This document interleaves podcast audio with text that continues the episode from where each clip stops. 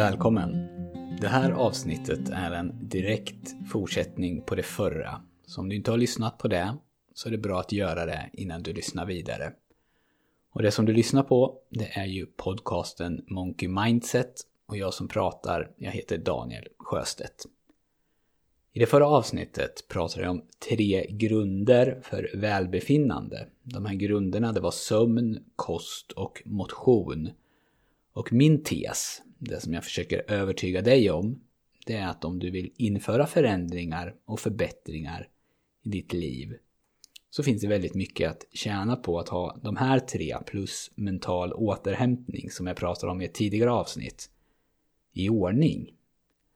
Och jag börjar att förklara en metod för att kunna få det så. Metoden är enkel till sin utformning. Det handlar om fyra punkter som du fyller med innehåll.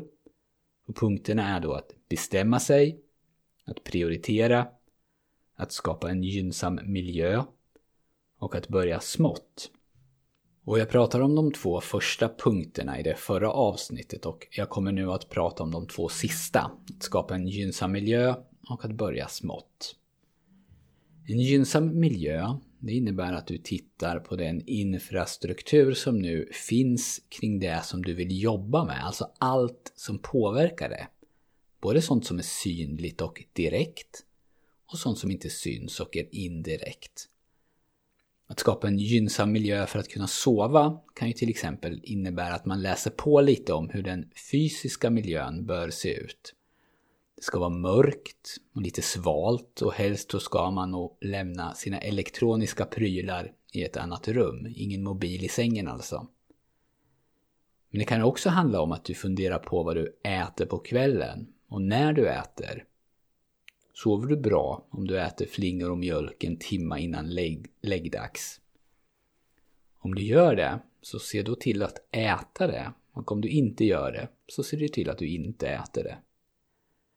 Ligger du och funderar på vad som sades på Aktuellt eller händer det ofta att du ältar en konversation som du haft med någon på Twitter? I så fall så behöver du se till att inte kolla på nyheterna så sent eller använda Twitter. Du gör alltså allt i din makt för att skapa så gynnsamma förutsättningar som möjligt för att du ska få en god nattsömn. Det handlar ju om det som vi pratade om förut, att du under en period har bestämt dig för att du ska prioritera sömn. Och att prioritera betyder inte bara att du väljer bort sånt som du inte får tid med, utan i det här sammanhanget då även sånt som inte gynnar det som du ska prioritera. Låt mig ge ett personligt och lite fånigt exempel på vad jag menar. Det här handlar varken om kost, sömn eller motion i och för sig, men det visar ändå hur en liten förändring, hur jag riggade miljön för att gynna mig och hur det gjorde väldigt stor skillnad. Mitt kontor, det ligger ungefär 50 meter hemifrån. Varje morgon så går jag med barnen till skolan, sen tar jag en liten kort promenad runt i byn och sen går jag hem och hämtar mina saker och går upp på kontoret. Det är planen. Kontoret och skolan ligger åt olika håll så jag passerar hemmet på väg till kontoret så jag behöver alltså inte ta någon omväg för att hämta grejerna. Det som händer när jag ska hämta mina grejer hemma det är att jag tar av mig ytterkläderna och går in för att packa ihop det jag ska ha med mig. Och då kanske jag sätter på en kopp kaffe. Och medan jag dricker kaffet så kanske jag hittar någonting att läsa. Eller så börjar jag svara på mail. Eller så plockar jag ur diskmaskinen. Det finns hundra saker som jag kan göra hemma. Och eftersom jag är en sån lök i vissa lägen så händer det att det går någon timma eller två och sedan tänker jag kanske att jag lika gärna kan jobba hemma idag. Och så passar jag på att gå och träna. Sen kommer barnen hem. Och då fixar jag någonting att äta till dem och passar lite på dem. Och jag får inte alls gjort det som jag hade tänkt mig att jag skulle få gjort. Men kanske så inbillar jag mig ändå det har varit en helt okej okay dag, för jag har ju fått en hel del annat gjort. Och det är otroligt lätt att gömma sig bakom det faktum att jag har varit där för barnen. Men poängen här, det är att jag hade en plan och planen brast. Den brast för att jag inte hade tänkt till om hur jag kan rigga min miljö för att öka förutsättningarna för framgång. Så nu packar jag istället min lilla påse med grejer samtidigt som barnen gör sig klara och sen så tar jag med den till skolan och bär med mig den på min promenad. Och efter promenaden så går jag inte hem utan jag går direkt till kontoret. Då kommer jag dit på den tid som jag i förväg har bestämt och kan börja jobba med det som jag i förväg har bestämt. En pytteliten förändring som för mig har gjort stor skillnad. Och man kan ju tycka att det inte borde vara så svårt att bara gå hem, packa och gå till kontoret. Och det borde det förstås inte. Men om jag gång på gång märker att det tar mer tid än det borde så kan det vara en idé att jag slutar förlita mig på att jag ska göra som jag har bestämt och istället försöker hitta ett system för hur det ska kunna gå ännu lättare.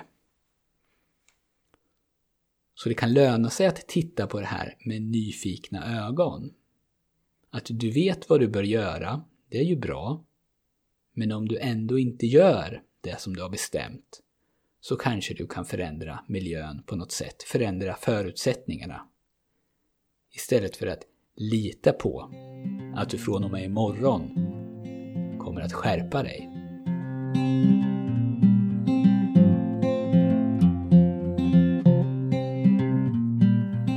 Och så några ord om att starta smått.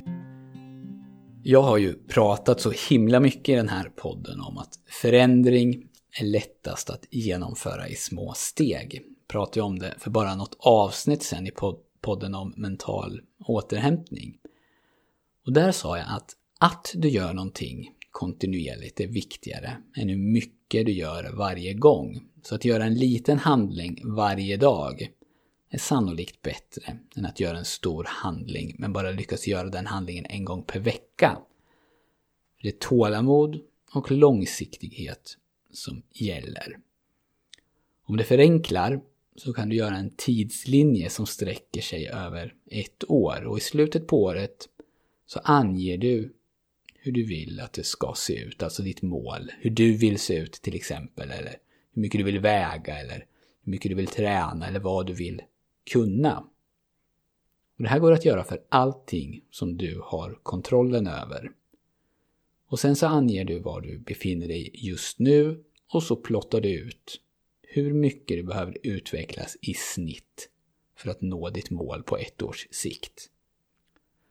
Om du känner att du har noll kondition nu och vill kunna springa 10 kilometer så behöver du öka med 800 meter per månad för att kunna springa en mil om ett år.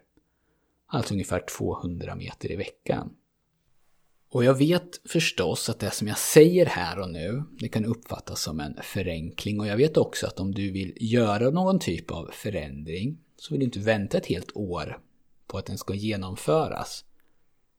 Och jag är inte på något sätt motståndare till snabb förändring, utan ju snabbare desto bättre tycker jag. Och om du vill göra det snabbare, så gör självklart det. Och om ni är ett företag som vill göra förändring, så kan ju en sån här långsam förändringstakt kännas helt orealistisk. Men om ni gör som ni alltid har gjort, eller du gör som du alltid har gjort, glöm då inte bort att titta på var ni befinner er om ett år. Är ni då där ni ville vara? Eller är ni kvar på samma ställe som ni började ifrån och är rent av den här förändringen som kändes så viktig helt bortglömd? eller ignorerad. Många av oss lever i en miljö av ständig förändring. Förändring är det nya normaltillståndet, särskilt på jobbet men också i viss mån hemma. Och sådana här poddar som min bidrar säkert till det klimatet. Det är ju inte det jag vill, men jag förstår att det kan uppfattas så. Och om du kan hålla det borta från dig, eller om du känner att du hanterar det här på ett bra sätt, så är det ju bara att fortsätta med det som du gör nu. Men om du lever i konflikt med förändringen, eller om ni som organisation gör det, om du skapar stress och friktion, om onödig energi läggs på fel saker eller om folk blir sjuka, kan det då inte vara en idé att sakta ner lite, att acceptera att förändring är nödvändig. Men att det inte behöver ske så jäkla fort. Och så jäkla drastiskt. Att förstå att den här förändringsprocessen som sker just nu bara är en av många ständigt pågående förändringsprocesser och att säga att du eller ni behöver lägga på ett kol för att det här är extra viktigt och sen kommer det lugna ner sig. Är sannolikt inte sant. För en förändring följs av en annan. Alla vet det här. Och du vet det också säkert innerst inne när det gäller din egen utveckling. Det kan faktiskt finnas ett värde i att skynda långsamt, att få med folk på tåget och att känna att du själv hinner med. Och med värde här menar jag inte bara mjuka värden, alltså att det känns bättre. Utan jag är övertygad om att en förändringstakt som funkar, som tål utvärdering och uppföljning, även är bättre om man mäter i pengar, eller marknadsandelar eller underhudsfett, eller omkrets på biceps.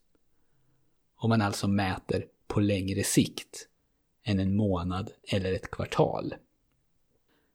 För det är ju inte så att ditt liv eller ditt företags verksamhet sätts på paus under den här förändringsperioden. Året som det tar att få 0 meters löpning till att bli 10 kilometers löpning kommer ju när du ser tillbaka på det att vara ett av de bästa åren i ditt liv. Där massor hände, där grunden lades för framtida bra saker. Men det här året där du i januari sprang 3 kilometer, i början på februari sprang 7 kilometer och sen under resten av året inte sprang några kilometer alls. Det året kommer ju bli bortglömt. Det kommer drunkna i alla andra precis likadana år. Så för att sammanfatta. Bestäm dig, prioritera, skapa en gynnsam miljö och våga skynda långsamt. Det är enkelt, men det är tyvärr inte lätt. Tack för att du har lyssnat. Jag hoppas att vi hörs snart igen.